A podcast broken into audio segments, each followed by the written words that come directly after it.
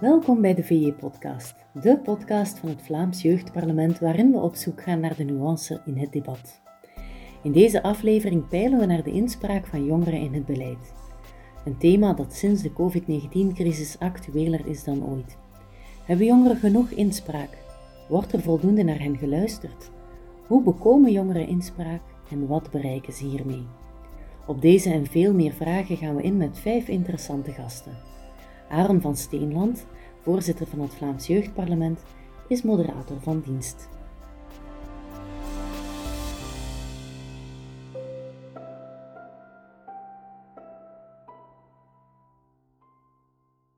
Welkom iedereen bij de VEP-podcast.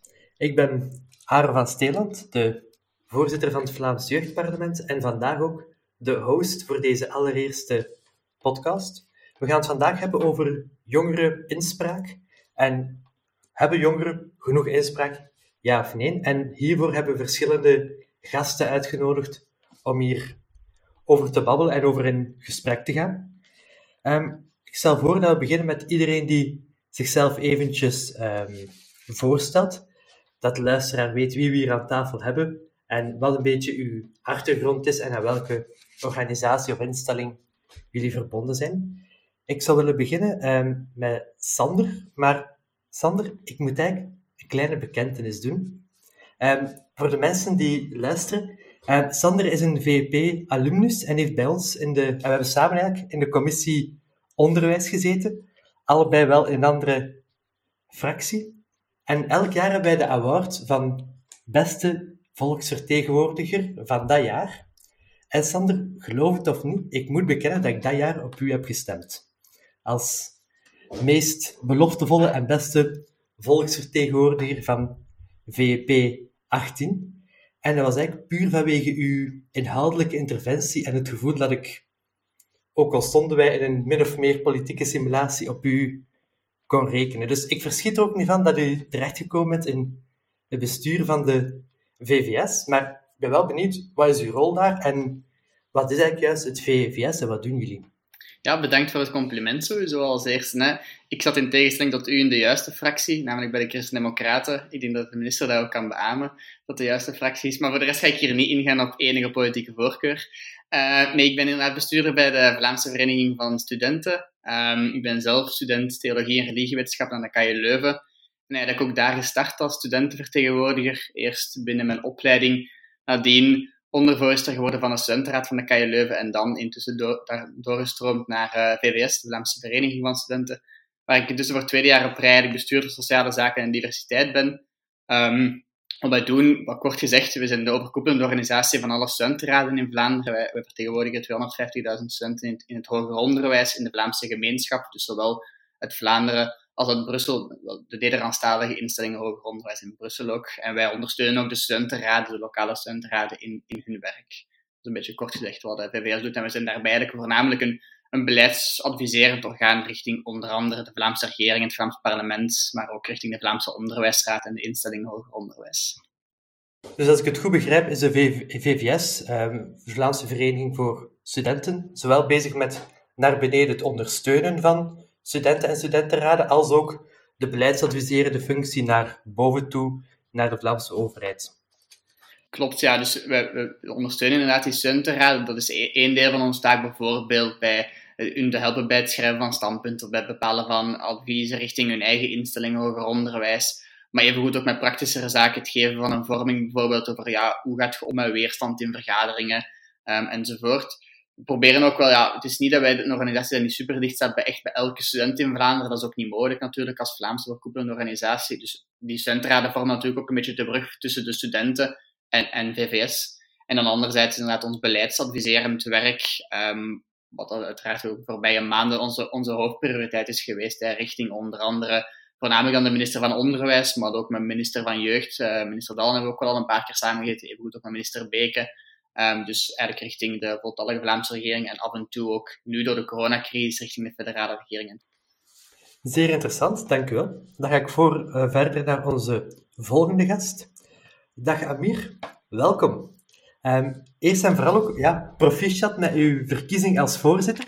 Nog maar, als ik me niet vergis, een paar weken geleden dat ik het nieuws had gelezen. Ehm, maar zelfs daarvoor had ik al u zien passeren in een, in een opiniestuk waar u al wees op de, één, ja, de politiek en de verantwoordelijkheid van jongeren daarin. En ben benieuwd, kan u zelf even uitleggen wat je nu doet als voorzitter van de Vlaamse Jeugdraad en wat uw functie daarin is? Uh, ja, dus uh, ik ben sinds kort een nieuw voorzitter van de Vlaamse Jeugdraad. Ik ben zelf uh, eh, 18 jaar en ik studeer in het eerste jaar aan de Universiteit Antwerpen rechten. met de Vlaamse Jeugdraad zorgen wij er eigenlijk voor dat de stem van kinderen, jongeren en hun organisaties wordt vertolkt bij de beleidsmakers. Dat is dan voornamelijk bij minister Dalle in structurele overleggen die dat plaatsvinden. Maar dat is ook achterkamertjespolitiek bij de politieke fracties en de politieke parlementsleden. En eigenlijk proberen wij dus uh, met onze stem, die dat we eigenlijk de 2,7 miljoen kinderen en jongeren van Vlaanderen en Brussel vertegenwoordigen, een stempel te drukken op het beleid. En uh, dat gaat eigenlijk over alle thema's die dat de kinderen en jongeren in Vlaanderen aanbelangen. Maar dat is voornamelijk ook wel toegespitst op onder andere jeugdwerk enzovoort. Maar uh, op vlak van onderwijs bijvoorbeeld hebben wij daar al hele sterke organisaties voor die daar heel hard inzetten op het heel educatieve proces dat kinderen en jongeren doorgaan. Maar wij proberen ook wel het andere aspect daarvan, vooral ook wel de buitenschoolse activiteiten enzovoort. En dat zie je nu ook vandaag in de coronacrisis, dat we toch wel proberen te drukken op het beleid. Dus dat is eigenlijk wat we met de Vlaamse Jeugdraad voornamelijk proberen te doen. Mhm. En is dat net als de VVS op structurele manier ook? Ja, dus eigenlijk zelf bij intern uh, komen we elke maand samen, de eerste woensdag van de maand, voor een adviesraad. Dus naast mij zijn er ook 15 andere adviseurs verkozen, acht jeugdwerkadviseurs, acht jongerenadviseurs. En dan is er ook wel een structureel overleg, als ik me niet vergis, om de drie maanden met het kabinet van minister Dalle.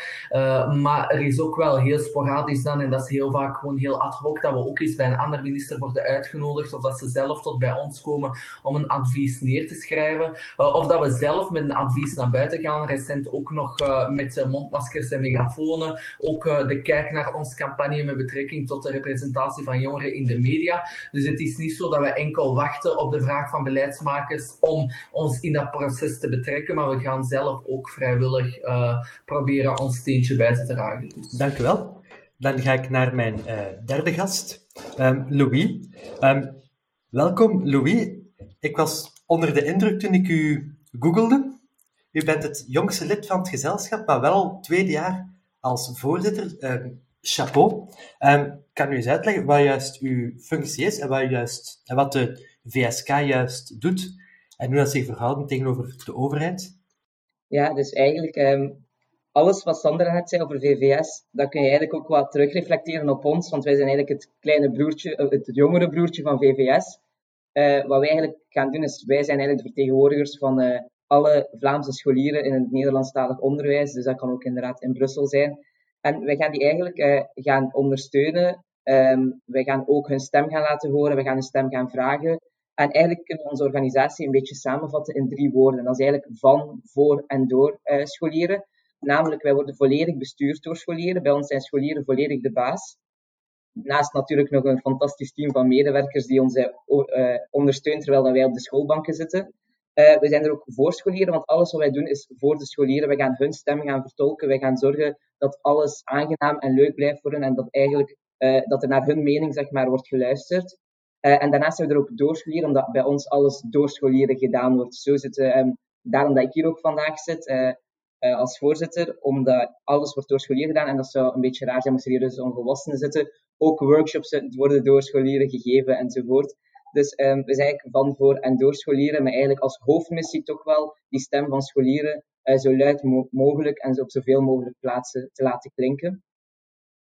En wat specifiek ja, mijn taak is, ik ben zeg maar een beetje de woordvoerder uh, en het gezicht, dus alles qua pers um, doe ik. Dus ik, ga eigenlijk, ik vertolk eigenlijk de stem van uh, alle scholieren in het Vlaams onderwijs. En ik probeer dat zo goed mogelijk te doen. Je zegt ook de stem van eh, de jongeren zo luid mogelijk te laten klinken. Op welke manieren doen jullie dat? Hoe zitten jullie verweven in de Vlaamse overheid? Uh, wij zijn eigenlijk ontstaan door een participatiedecreet. En uh, op dit moment zitten we ook zo, zoals VVS in de vloer, maar dan eigenlijk vooral met alles wat um, secundair onderwijs natuurlijk te maken heeft. Maar daarnaast zitten wij, uh, hebben wij ook heel uh, veel spontane overleggen, ook met de minister. Uh, met minister Dallen hebben we wel heel vaak een overleg gehad. Um, zo zitten we ook in het sociaal overleg met minister Wijts. En hebben we ook inderdaad met politieke fracties heel veel gesprekken. Dus we zitten wel structureel, zeker verankerd in de Flora en zo. Ehm, maar we hebben ook heel veel spontane gesprekken. Oké, okay, dankjewel. Dan ga ik naar de vierde gast voor vandaag. Welkom Elise. Of moet ik in jouw, zeggen, in jouw geval zeggen, welkom terug. Want net als jij ben je een uh, alumni van VP 18, als ik mij niet vergis. En vandaag ook een klein beetje misschien het buitenbeentje in deze groep, omdat jij vertegenwoordigt geen um, vaste organisatie, maar eigenlijk meer een beweging. Um, zou je zelf even kunnen uitleggen van waar komt het door, hoe is dat ontstaan en wat is jouw rol erin? Wel, erdoor is eigenlijk een, eh, beweging, een groepering, eigenlijk een groepje jongeren die zich verenigd heeft om zich in te zetten voor het mentaal welzijn van jongeren. En met jongeren in het algemeen wordt niet enkel studenten bedoeld, maar ook scholieren. Dus het is breder dan enkel eh, de studenten, de scholieren, uh, studenten, pas afgestudeerden, ook werkzoekende jongeren of werkende jongeren, omdat het ook voor hen niet altijd simpel is. En wij zetten ons voor, vooral in voor het mentaal welzijn eigenlijk. Um, de aanleiding ligt eigenlijk in het uitblijven uh, van de maatregelen voor jongeren. Um, en wij voelden dat zo als disproportioneel aan, omdat iedereen zowel wat perspectief kreeg, maar voor jongeren bleef dat zo achterwege. En dat is eigenlijk geculmineerd in een vereniging uh, van ongeveer uh, acht mensen die elkaar kennen via sociale media vooral. en we hebben dan eigenlijk beginnen praten en actie ondernemen. Dus je zijn eigenlijk van, van onderuit een beetje ontstaan en samengekomen voor een soort gelijk doel als ik het goed begrijp. Dan ga ik over tot een van de, ja, ze zeggen wel dat het beste voor het laatste moeten houden. En dan kom ik tot bij u, minister Dalle. Um, ik ben blij dat u hier terug aanwezig bent, want het is niet de, de eerste keer dat u op het Vlaams Jeugdparlement komt. Denk, denk ik ondertussen de derde keer dat u mogen verwelkomen. Waaronder herinner ik mij de allereerste keer toen u nog maar net minister was. Um, dus ben ik blij dat u ook dat nog blijft komen. Um, misschien voor de luisteraars die minder bezig zijn met politiek, wie bent u en waarvoor bent u bevoegd als minister? Juist, uh. Ik ben uh, Benjamin Dalla, Vlaams minister van Brussel, Jeugd en Media. Maar voor alleen op uw vraag in te gaan, effectief, uh, ik ben uh, mijn eerste, mijn allereerste speech als minister was bij jullie in het Vlaams Jeugdparlement. Ik geloof dat dat in het Rits in Brussel was. En relatief recent was in Antwerpen ook uh, bij jullie. En uh, nog vorige week was ik bij jullie collega's, waar denk ik u ook aanwezig was, bij het uh, jeugdparlement, Parlement Jeunesse, hè, jullie nationale collega's. Dus heel fijn dat jullie dit organiseren. Ook leuk dat je jeugd en engagement en vertegenwoordiging met podcast combineert. Dat zijn werkelijk al twee van mijn drie bevoegdheden samen. Dus als Vlaamse minister, om ook een vraag uh, terug te komen, Aaron. Uh, als Vlaamse minister ben ik binnen de Vlaamse regering bevoegd voor de domeinen media en jeugd. En ben ik ook de Brusselaar in de Vlaamse regering die bevoegd is voor de relaties met onze hoofdstad en ook de investeringen in, in Brussel ben ook blij dat, uh, dat hier al genoemd is. Effectief, we hebben natuurlijk uh, niet alleen scholen, onderwijs en, en hoger onderwijsinstellingen in Brussel, maar ook heel veel uh, jonge mensen in Brussel die ook onder de verantwoordelijkheid vallen, deels toch van de Vlaamse regering. En ik vind het heel belangrijk om als minister van Jeugd beleid te voeren samen met kinderen en jongeren, niet alleen over hen te spreken, maar ook vooral met hen te spreken. En ben in die ook uh, dankbaar om jullie op deze manier nog eens uh, terug te zien. Met de meesten heb ik al heel wat gesprekken gehad. Ik denk alleen met Elise dat ik nog geen uh, rechtstreeks gesprek gehad heb. Maar dus ook heel fijn om het relatief nieuwe initiatief erdoor bij deze ook persoonlijk kennis te maken.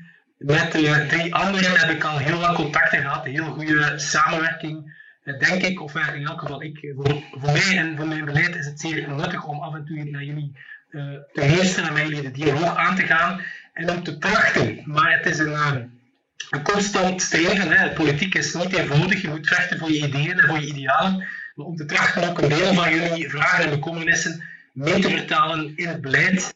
Al moeten we natuurlijk met heel veel omstandigheden rekening houden. Soms politieke eh, context, maar, maar zeker ook nu met corona. Ja, de virologische realiteit. Wat zijn de mogelijkheden, bijvoorbeeld rond versoepelingen?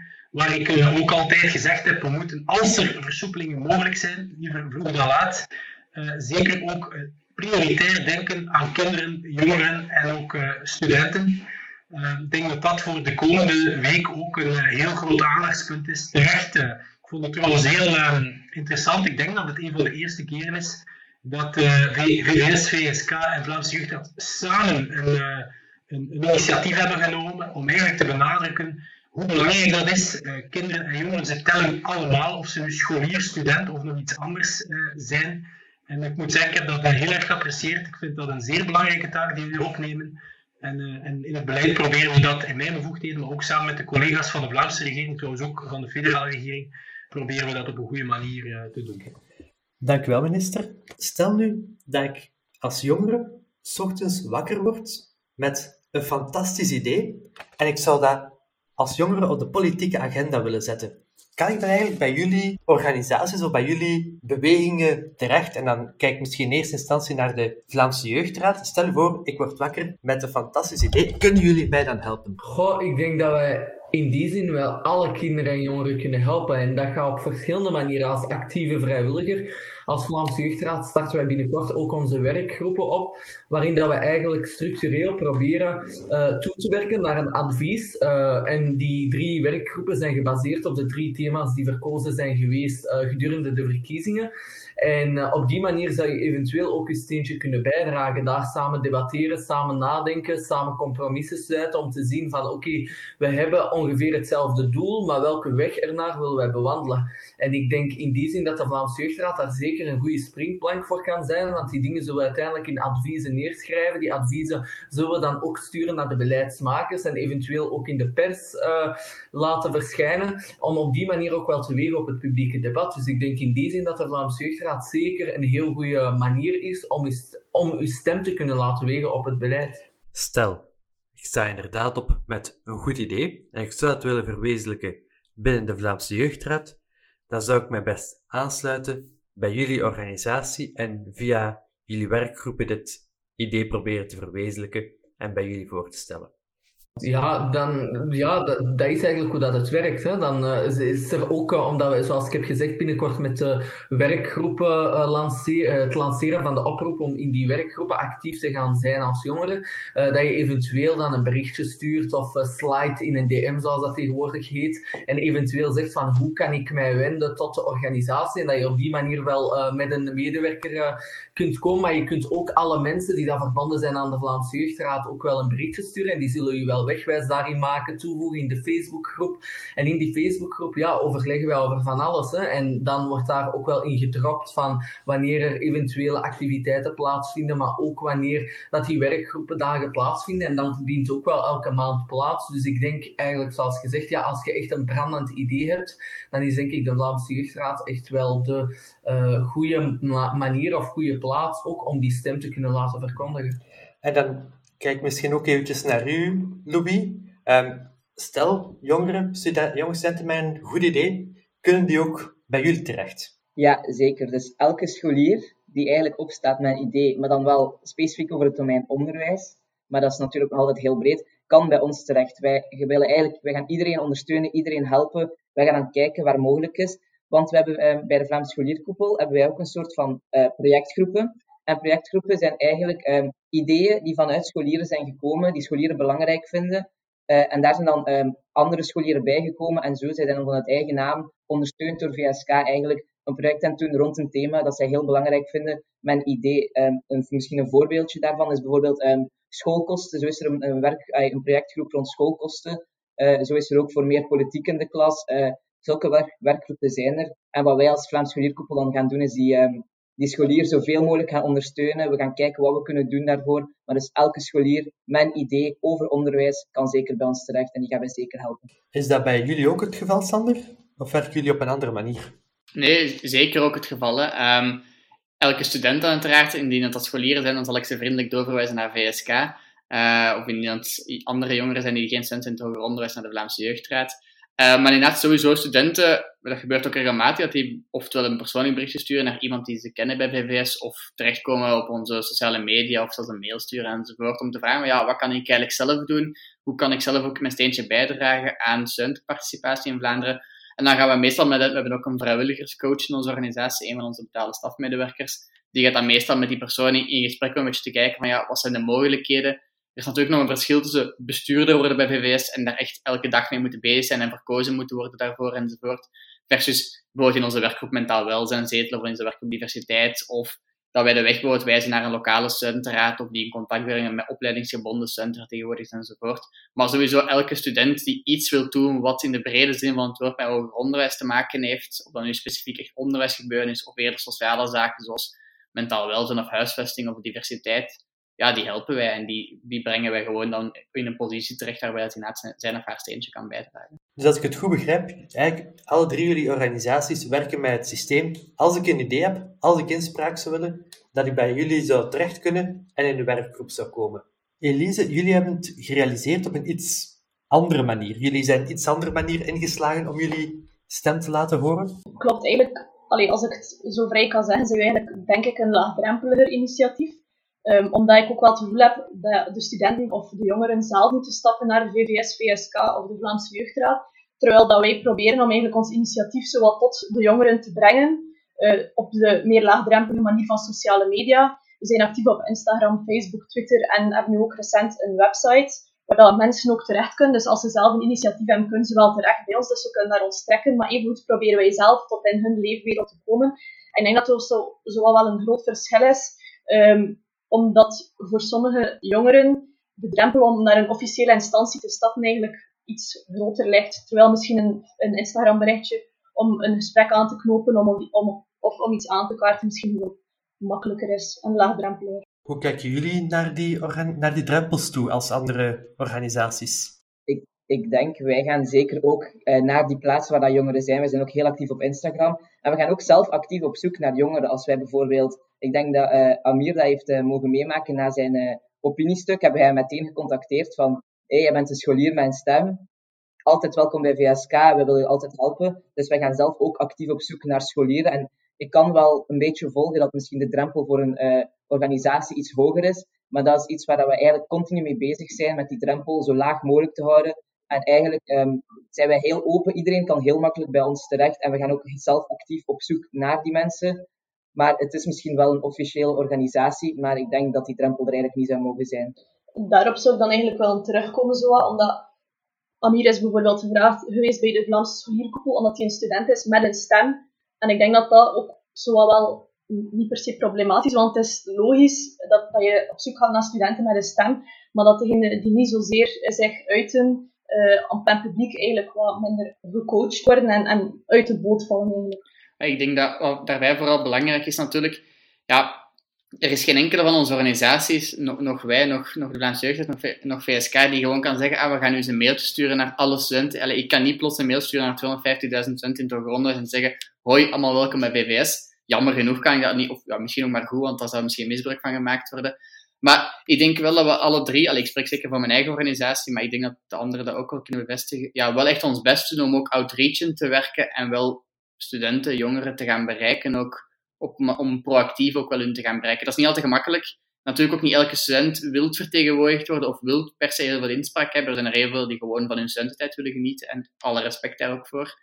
Um, maar dus dat is natuurlijk niet altijd makkelijk, maar we doen ons best daar wel voor. Ja, ik denk, als ik daar heel even op mag inpikken, dat dat wel ook uh, voor ons wel geldt. Wij, dat is denk ik ook wel evident dat niet alle jongeren zo snel hun weg vinden of wij ons daarbij moeten neerleggen. Ik denk absoluut niet, maar wat we bijvoorbeeld ook wel proberen met die werkgroepen te doen, is zelf uh, ook wel lokale jeugdwerkinstanties sturen om bijvoorbeeld die werkgroepen over heel Vlaanderen te gaan organiseren. In niet-coronatijden was dat dan evident dat we zelf met een bus bijvoorbeeld tot Antwerpen zouden gaan, tot Borgerau, tot Kiel, om daar dan met jongeren het daarover te hebben. Maar ik woon zelf ook wel in Borgerhout. Ik heb zelf meegedaan aan die verkiezingen en ik heb zelf ook wel gezien in Antwerpen hoe onbekend dat de Vlaamse Jeugdraad is.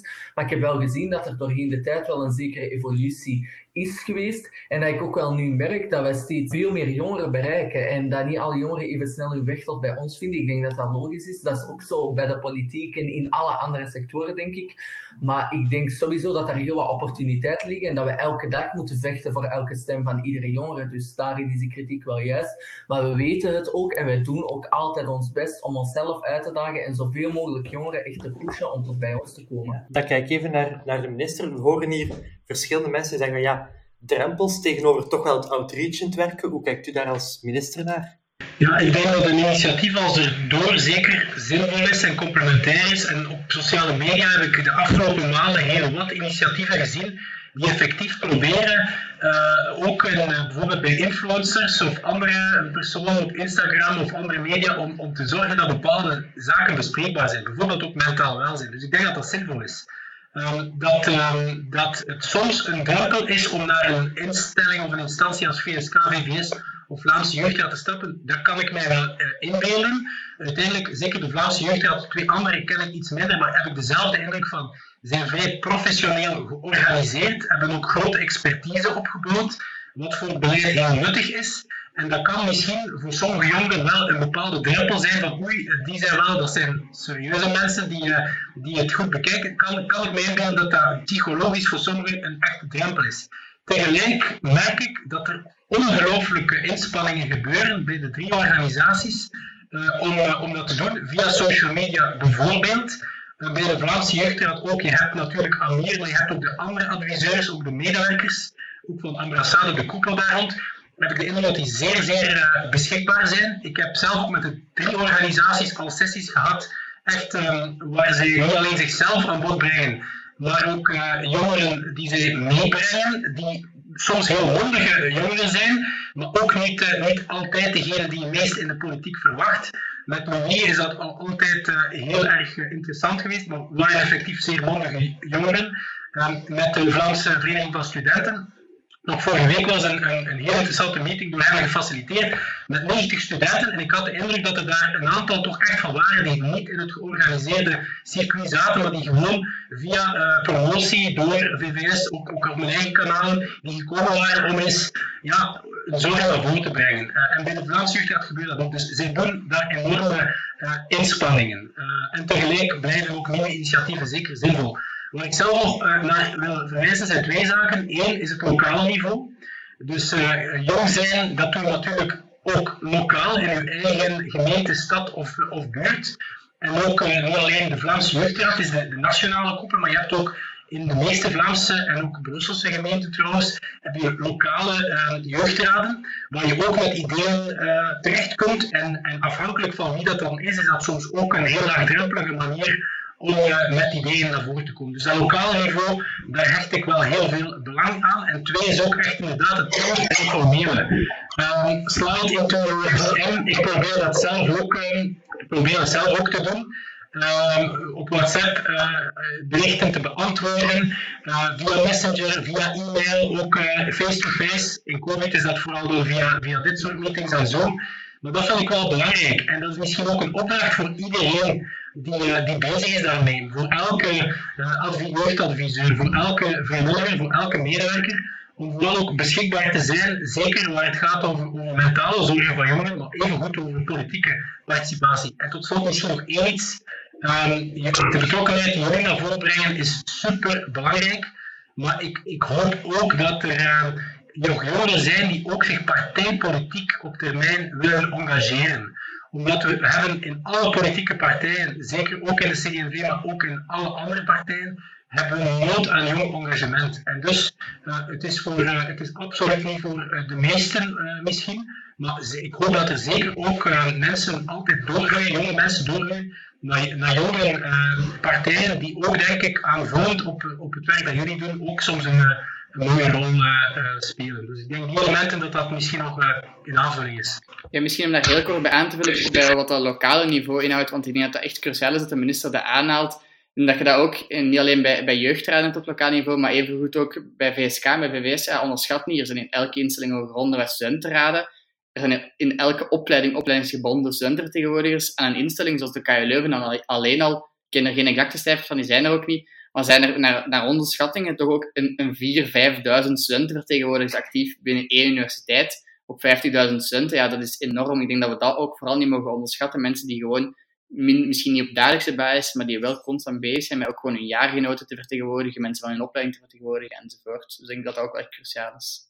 En inderdaad, op vlak van scholen heb ik ook heel leerlingenraden. En dat is ook een van onze taken, een, van onze taken die we ook heel intensief gaan uitvoeren. En dat is die leerlingenraden te gaan ondersteunen. Uh, kant-en-klare pakketten over, om een leerlingenraad op te starten. Uh, tips en tricks te delen, workshops aan die, uh, leerlingenraden te geven. Dat is misschien nu wat moeilijker met corona. Maar wij gaan inderdaad ook heel hard lokaal op elke school gaan inzetten om ook, ook die leerlingenraad zeker te ondersteunen. We hebben het al gehad over het belang van het weghalen van drempels. En dat er ook zoveel mogelijk geprobeerd wordt om die effectief weg te halen, zodat iedereen de mogelijkheid heeft om zich te representeren en zich ook gerepresenteerd voelt. Ondertussen hebben we ook al een klein overzichtje over hoe de organisaties werken en hoe je je als jongere kan engageren om je stem te laten horen. Nu, de afgelopen maanden is er ook heel veel kritiek geweest over jongeren die aangeven dat ze het gevoel hebben te weinig gehoord te worden en dat de politiek te weinig luistert en ze hun belangen niet zien terugkomen in het beleid. En ik zou daar even willen op ingaan. Um, en ik zou willen starten bij jou, Louis. We hebben aan iedereen gevraagd om als voorbereiding enkele quotes door te sturen. En die van jou viel me eigenlijk nog het meest op. Omdat die eigenlijk ook ja, het meest uitgesproken en het meest scherp was. je had het over het feit dat jongeren voor de zomer eigenlijk gewoon geen inspraak hadden. En dat sommige beslissingen van politici gewoon slecht was, omdat er geen inspraak van jongeren was. Dat is een heel harde quote, dus ik ben eigenlijk wel eens benieuwd naar de context daar rond. Van waar komt die quote? Ja, um, bijvoorbeeld heel in het begin werd er heel veel beslist overal, zonder dat, en ik denk dat uh, Sander en Amir dat misschien wel kunnen beamen, heel veel beslist zonder dat er echt heel veel uh, naar ons geluisterd werd, of, dat er heel, of naar ons gevraagd werd van wat vinden jongeren hiervan. Dat er heel veel hals over de kop werd beslist, uh, zo rap mogelijk om dat virus in te perken. En natuurlijk, het was allemaal nieuw en dat is misschien een les die we kunnen trekken volgende keer om eigenlijk vanaf het begin jongeren erbij te betrekken.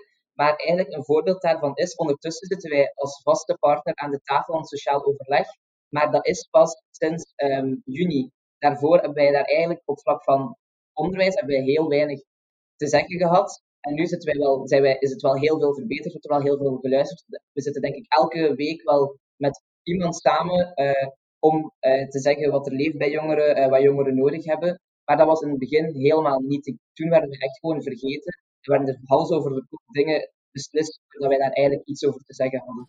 Dat gevoel van de politiek is pas in actie geschoten met ons te betrekken vanaf de zomer, leeft dat ook bij jullie, Sandra en Amir? Ja, nou, bij ons, ik denk eh, de politici en de experts hebben dat zelf ook wel toegegeven achteraf dat ze de eerste lockdown veel te weinig de impact van de coronacrisis op kinderen en jongeren in overweging in de beleidsbeslissingen. Ik denk dat ze vrij snel eh, beseften dat uh, bijvoorbeeld het sluiten van de publieke ruimte, die ja, hier door de Vlaamse Raad en de sterke samenwerking met minister Pelle uh, terug geopend werd en dan heeft gezegd van duidelijk we willen daar nooit mee sluiten dat je dan ziet dat daar wel een bepaalde klik is geweest. Uh, de voormalige voorzitter van de Vlaamse Jeugdraad, Alexander Smarandescu, zat bijvoorbeeld ook in het maatschappelijk relatiecomité in Vlaams. Dus ik zou wel zeggen van politici horen de signalen wel, maar die luisteren niet altijd even goed. En ik denk dat dat wel duidelijk is gebleken, ook al gisteren met de oproep die we samen hebben gelanceerd, dat daaruit wel blijkt dat er heel veel politici zijn die oor hebben naar onze oproep, maar dat we heel vaak wel moeten wachten. Allee, er is al heel veel, uh, zijn al heel veel laudaties geweest, om het zo maar te zeggen, maar er zijn nog heel weinig daden en concrete acties als gevolg geweest van die woorden. Dus vandaar dat ik wel denk dat het belangrijk is om niet enkel te benadrukken dat er veel te weinig geluisterd is geweest en dat het probleem, maar vooral denken naar de oplossingen toe. Ik denk in het verleden is gebeurd, heeft duidelijk blootgesteld wat dat de mankementen waren van het beleid. En ik denk dat we er nu vooral op moeten hameren dat het niet nog een keer gebeurt. En dat is denk ik vooral de schrik die we nu hebben, omdat het echt wel al vijf over twaalf is, om ervoor te zorgen dat, uh, ja, ik denk dat tegen dat het gepubliceerd gaat zijn, waarschijnlijk het overlegcomité al gepasseerd is geweest, maar dat men nu al beseft van, uh, ja, deze overlegcomité zal echt, is, zoals het uh, in onze oproep werd gezegd, is nu of nooit. En ik denk dat het daarin echt wel de ernst echt wel moet doordringen bij de beleidsmakers. En in hoeverre dat dat is, ja, dat zullen we vrijdag wel weten. Maar ik denk dat het echt wel belangrijk is om aan die woorden echt wel te voegen. Dus waar Louis zegt dat we in het begin eigenlijk echt wel werd vergeten, ja, dat werd achteraf ook wel bevestigd. En ik denk dat men daar veel spijt van heeft. Dus ik hoop dat er uh, ten opzichte van die spijtgetuigenissen uh, ook wel iets van daden gekoppeld kan worden. En, en ik wil daar misschien echt heel hard bij aansluiten. dat we inderdaad niet meer naar het verleden moeten kijken en dat ondertussen wel echt beter aan het worden is. Dat ondertussen wel veel meer naar ons geluisterd wordt. Maar wat er natuurlijk gedaan wordt, dat is, een, dat, is een, dat is een heel ander verhaal. Dat weten wij ook meestal niet volledig. Maar ondertussen wordt er wel al veel meer geluisterd, maar dat was gewoon iets heel opvallends in het begin. Dat is hetgeen dat ik vaak ook terugzag in de quotes die jullie aangaan. Van, ze zeggen wel, we worden gehoord, misschien wordt er zelfs geluisterd, maar het deel actie, dat dat precies een beetje miste, las ik op sociale media. Um, misschien dan de vraag doorspelen naar de minister. Hoe komt dat? om te beginnen, ik ga een deel meegaan met wat jullie zeggen en een deel ook uh, toch een ander geluid laten klinken. Uh, ik ga mee in de zin dat in de eerste lockdown, maart vorig jaar, ondertussen al bijna een jaar geleden, dat er uh, onvoldoende aandacht was voor de plaats van kinderen en jongeren in de COVID-crisis. Daar kan ik het, ben ik het helemaal mee eens. Maar ik heb gemerkt dat geleidelijk aan die aandacht vergroot is. En dat is, dat is niet alleen in het luisteren naar en het betrekken van, maar ook in de feiten. In de eerste lockdown waren de scholen toe. Ja. In, uh, nadien hebben we gezegd dat gaat nooit nog gebeuren, dat laten we niet gebeuren. Uh, dat is effectief ook uh, niet gebeurd. We hebben jammer genoeg deeltijds dat contactonderwijs moeten verlaten in de tweede en de derde graad. En in het hoger onderwijs is er nog onvoldoende mogelijk. Vanaf 15 maart kan we gezien weer meer. Maar we hebben dat wel effectief veranderd. Tweede voorbeeld, eerste lockdown. Alle openbare ruimte was toe. De speelpleinen, de basketpleinen, het sportterrein, het skatepark waren toe. Herinneren we de rode lintjes. Daarvan hebben we gezegd, mag nooit nog gebeuren. Enkele maanden na de start van de lockdown hebben we gezegd, we gaan het weer openstellen. Open ruimte is deel van de oplossing, niet van het probleem voor kinderen en jongeren.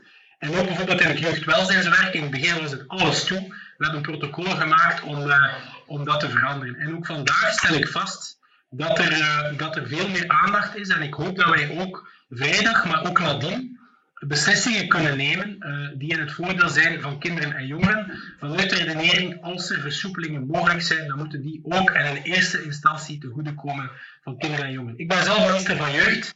Dus ik voel mij uiteraard uh, um, ook aangesproken door deze vraag. En ik heb vanaf dag één, dat is ook mijn job, getracht om de belangen van kinderen en jongeren uh, centraal te stellen.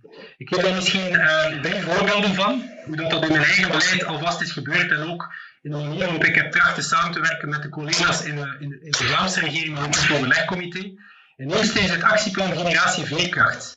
We hebben eigenlijk al in maart vorig jaar gezegd, wij moeten aandacht hebben voor kwetsbare kinderen en jongeren en jongeren te koer. En we gaan er ook extra in investeren. We hebben toen 4,5 miljoen euro ter beschikking gesteld voor verschillende projecten, een projectoproep, ook voor bijvoorbeeld versterking van kanalen als informatiekanaal Wat Wat, jongerentelefoon en chat uh, AOL. Dat soort zaken hebben we eigenlijk vanaf dag 1 uh, gedaan.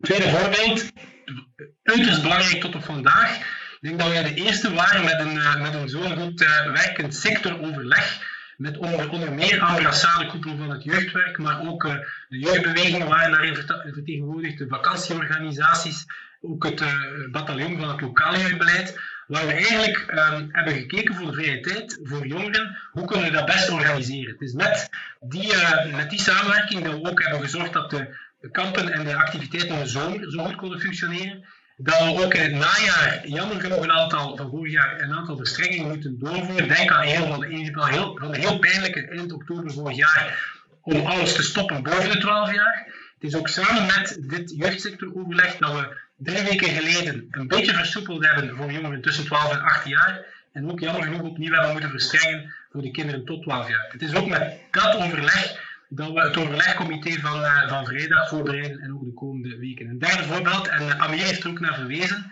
in, het, in, de, in relance hebben we in het maatschappelijk relancecomité onder meer de betrokkenheid gehad van Alexandra Smaradesco als voorzitter van de Vlaamse Jeugdraad. We, we, hebben ook heel intens samengewerkt. We hebben uh, vanaf dit jaar enorm veel extra middelen gemobiliseerd, structureel en eenmalig in het kader van relance voor kinderen en jongeren. En dat is een zeer lange afstemming gebeurd met, heel veel jongeren en ook met de Vlaamse Jeugdraad. En ik denk dat al die zaken ook hebben bijgedragen, samen met trouwens de druk die jullie ook hebben gelegd, dat vandaag politici weten dat de belangen van kinderen en jongeren cruciaal zijn en dat dat ook in de politieke besluitvorming moet vertaald worden. Dus ik denk dat dat op dat vlak wel echt wel kunnen zeggen, uh, zoals eigenlijk ook, ook Louis daarnet uh, een beetje aangaf, van, uh, ja, je ziet wel een groot verschil tussen de beginperiode En nu, daar is enorm veel bewustvorming gekomen en dat is ook mee aan jullie, uh, aan jullie te danken trouwens. Um, ik zou even willen kijken naar uh, Elise, want we horen hier een verhaal van ja, um, er is pas laat geluisterd. Sorry, minister Delle die aangeeft van kijk, we hebben in de maatschappij mogelijk nu zoveel mogelijk geleerd uit die lockdown en betrekken mensen daarin. Um, dan kijk ik even naar u, Elise. Jij zit hier als student die minder betrokken is, is dan in al die raden. Wat is uw gevoel daarbij? Wel, eigenlijk kan ik het kort en eens en samenvatten. In eens en samenvatten. Moest alles goed geweest zijn, dan waren we er niet geweest. Hoogstwaarschijnlijk. En dat slaat zowel wat alles, denk ik.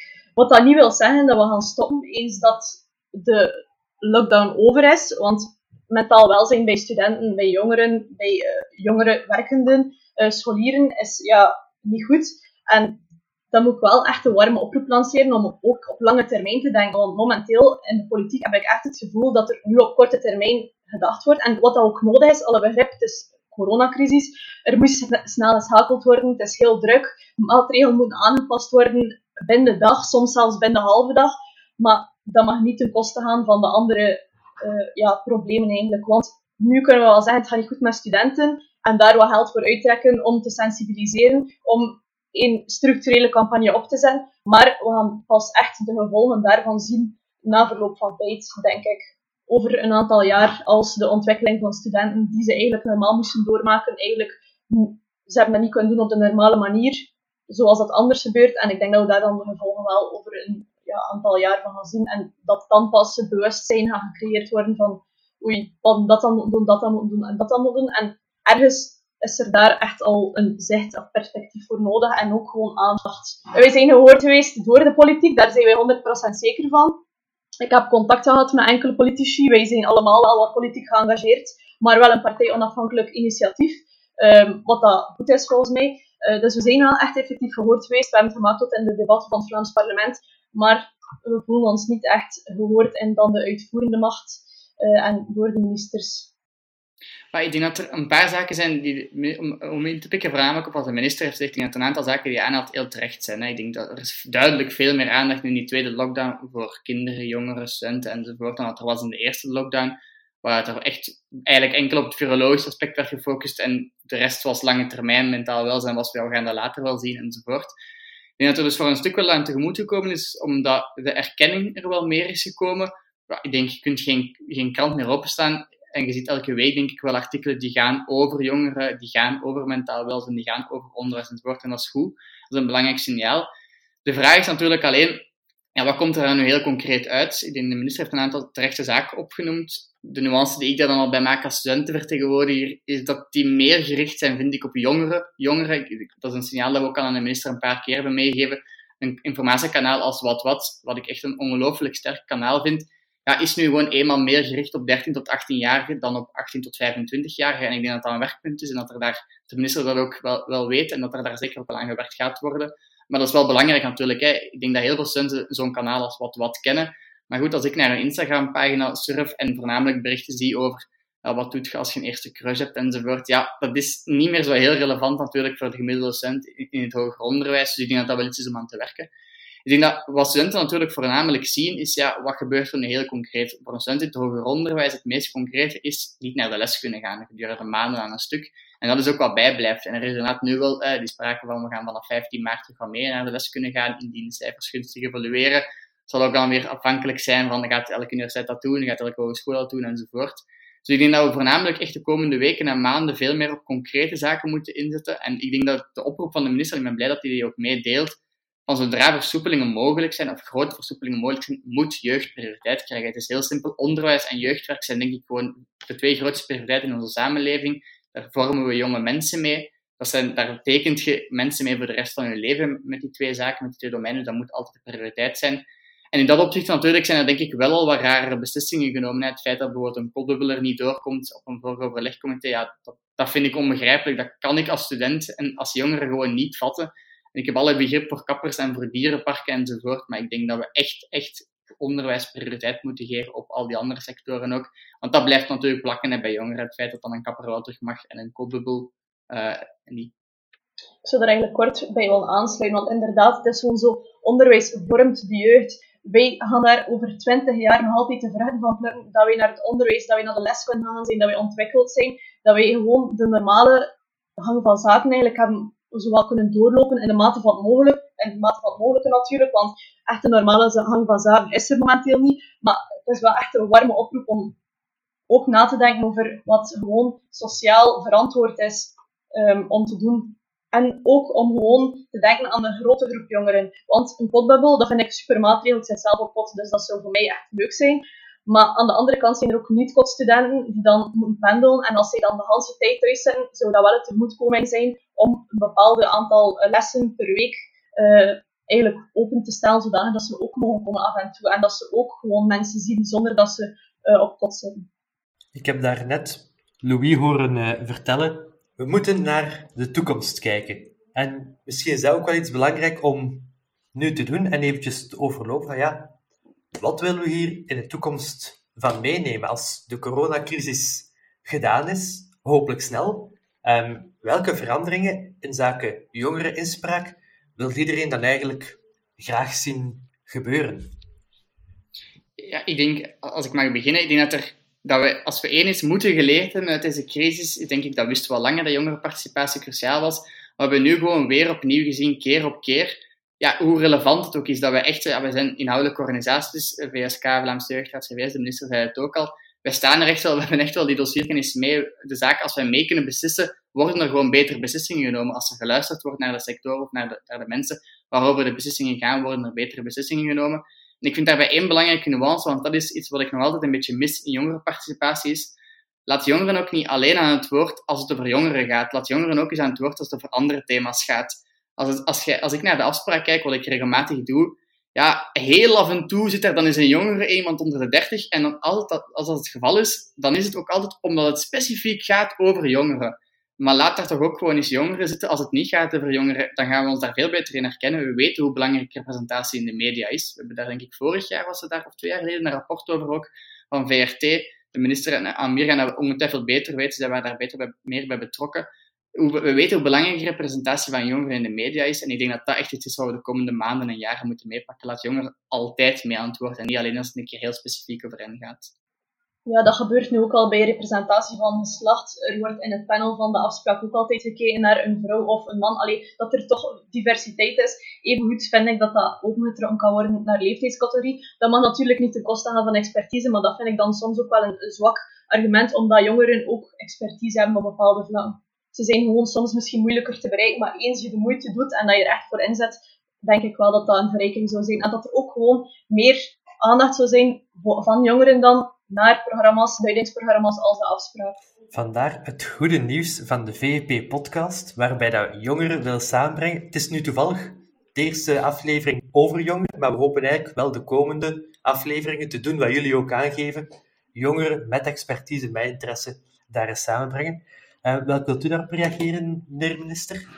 Ja, we hebben net uh, de beheersovereenkomst met de VRT ook afgesloten. En uh, dit is een punt waar ik ook heel fier op ben, dat we heel erg te hard hebben genomen.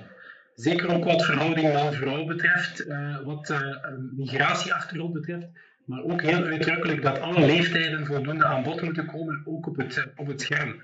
En op dat vlak, uh, Amir heeft al in zijn inleiding naar verwezen, was er een, uh, een heel gesmaakte actie van de Vlaamse Jeugdraad, die te kijk naar ons, om te zeggen, kijk, elke jongere, elke jongere is verschillend, is uniek uiteindelijk, maar iedereen wil zich wel een stuk gerepresenteerd voelen op, uh, op, op de mediakanalen in het algemeen, en zeker ook die van de VRT. En ik denk dat we dat in deze beheersovereenkomst, dat we dat echt hebben ingeschreven, en ik, ik verwacht ook dat daar nog meer dan vroeger uh, aandacht voor zal zijn in de verschillende programma's van de VRT.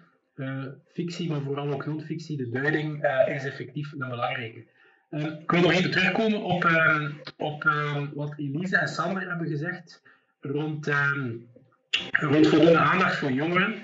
het heel concrete punt van wat wat, dat heeft Sander effectief al herhaaldelijk bij ons aangekaart. Dat is ook iets wat wij ook al herhaaldelijk hebben meegegeven aan de collega's uh, of aan de mensen van wat wat en waar zij ook rond extra aan het werken zijn. Dat zijn echt uh, heel nuttige tips die ons ook helpen om het, uh, om het beleid concreet te verbeteren. En ik hoop dat dat ook de komende weken en maanden verder zal versterkt worden, want effectief een, een kanaal als Wat Wat, of ook de jongerentelefoon Chat wel, is er eigenlijk tot 30 jaar, dat is misschien al de wat oudere jongeren, maar zeker ook voor die studenten, is dat, is dat ook, zijn dat instanties die daar absoluut voor bedoeld zijn. En uh, misschien reageren op, op, op Elise, ik uh, kan me absoluut inbeelden uh, dat jullie soms de indruk hebben dat er te weinig aandacht is uh, voor jongeren. zeker voorbeelden van kotbubbel, kappers, ja, dat maakt het een beetje pijnlijk duidelijk. Maar ik wil echt wel aangeven dat wij um, um, ja, we zijn bijna dag en nacht werken om, om die belangen hoog op de agenda te zetten. Dat ook heel veel collega's daarmee bezig zijn en dat we in een bijzonder moeilijke en uitdagende tijd zitten waar heel veel belangen spelen, maar dat die uh, belangen van uh, kinderen en jongeren zeker niet vergeten worden. En laatste puntje, ook wat Elise aanhaalde, dat, ze dat de indruk bestaat dat we echt alleen maar op die korte termijn werken, nu eens een paar miljoen uittrekken voor de komende weken en maanden. Ik wil dat een beetje tegenspreken, het komt minder in de aandacht, maar we hebben eigenlijk vanuit uh, ons kabinet en departement, en trouwens ook met de Vlaamse Jeugdraad, ambassade en dergelijke meer, al het lange termijnwerk hebben we gewoon voortgezet. En corona is er bovenop gekomen. Maar dat is natuurlijk ook een stuk achter de schermen. Ik geef misschien één voorbeeld. Vandaag hadden we de eerste sessie over het zogenaamde JKP. Dat is het Jeugd- en Kinderrechtenbeleidsplan, dat eigenlijk de strategische visie is van de Vlaamse regering voor kinderen en jongeren in alle beleid. En wij hebben vijf prioriteiten daarin gedefinieerd voor corona. En uh, ik heb alleen maar kunnen vaststellen dat tijdens die corona dat die prioriteiten op korte termijn en op lange termijn nog meer actueel zijn. Want prioriteit nummer 1 hebben we vandaag besproken met 100 jeugdwerkers en ook lokale uh, mensen die lokaal actief zijn. Dat is mentaal welzijn. En dus dat mentaal welzijn, dat is nu hoog op de agenda gekomen dankzij door COVID. Maar dat was al voor COVID onze topprioriteit nummer 1 en dat, dat zal het ook blijven de komende maanden. Dus achter de schermen uh, is er heel wat werk, maar ik, ik kan me inbeelden, dat, dat raakt me ondergesneeuwd, onder, onvermijdelijk, maar eh, je kan er wel op rekenen dat we ook op lange termijn uh, blijven, blijven werken, ook, deze, ook in deze periode. Uh, dan kijk ik nog even naar um, Louis en Amir. Welke zaken zouden jullie in de toekomst nog willen zien qua jongereninspraak, naast dan representatie? Ik denk dat we er net al een beetje over bezig waren, hoe dat in het begin van de crisis inderdaad de jongerenparticipatie heel slecht uh, was.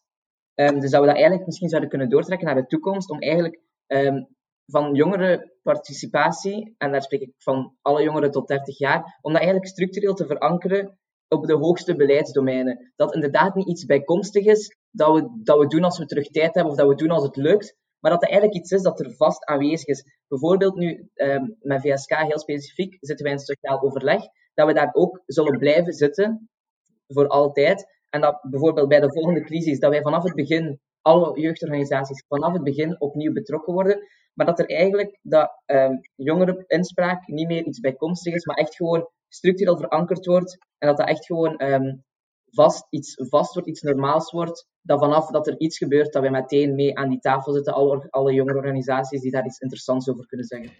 Dankjewel. En dan kijk ik nog naar um, ja, Amir. Hebben jullie vanuit de Vlaams, Vlaamse Jeugdraad nog ideeën om in de toekomst in te spelen op jongereninspraak? Ja, nee, ik denk sowieso, zoals eh, de minister ook heeft aangehaald met de kijknavans-campagne, die was heel geslaagd. Uh, maar laat me toch even wel benadrukken op vlak van de diensten over media.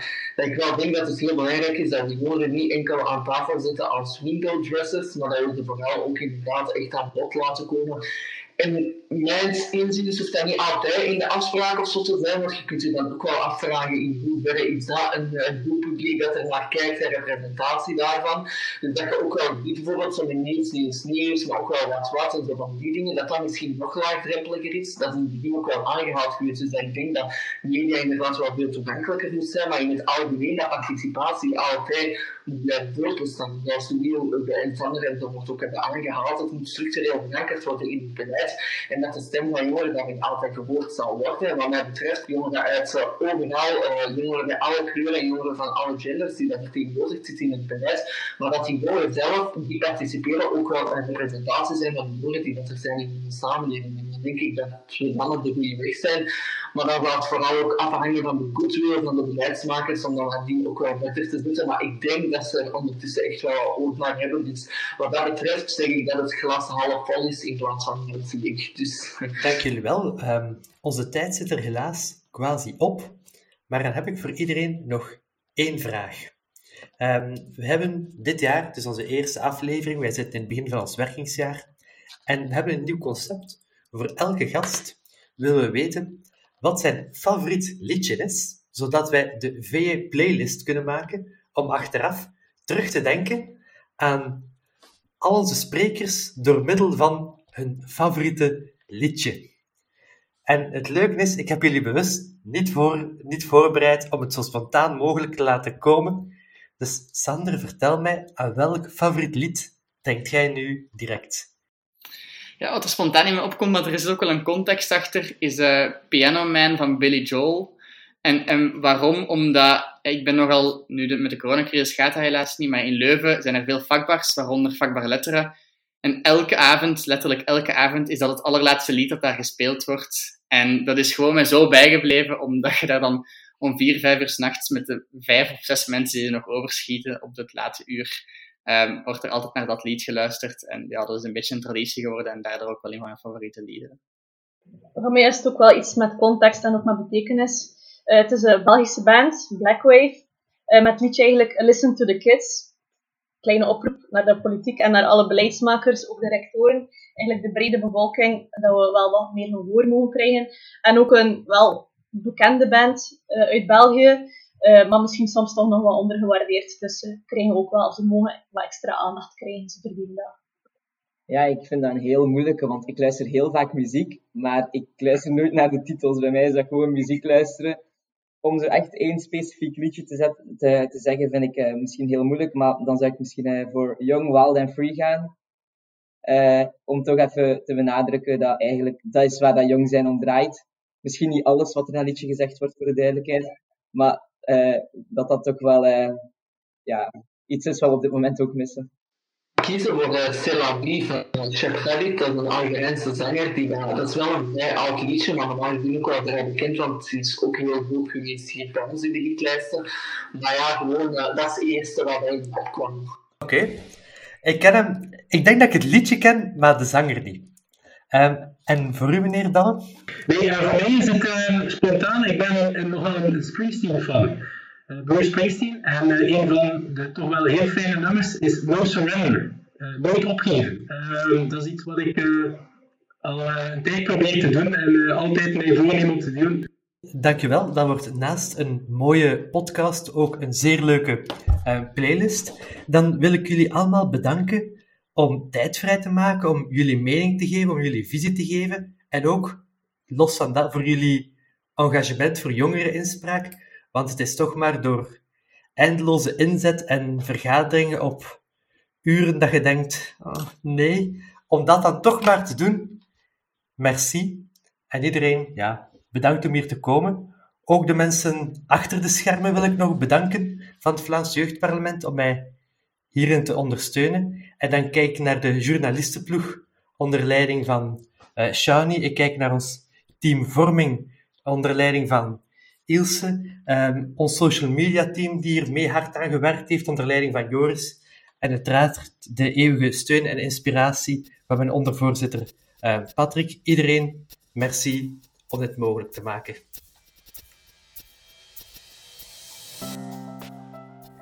Dat was het voor deze aflevering. Hoe kijk jij naar de inspraak van jongeren? Heb je vragen of opmerkingen? Laat het ons weten via Twitter, Facebook of Instagram. Wil je graag een thema naar voren schuiven waar wij dieper op in kunnen gaan? Aarzel dan niet om ons te contacteren via onze sociale mediakanalen of via onze website www.vlaamsjeugdparlement.be.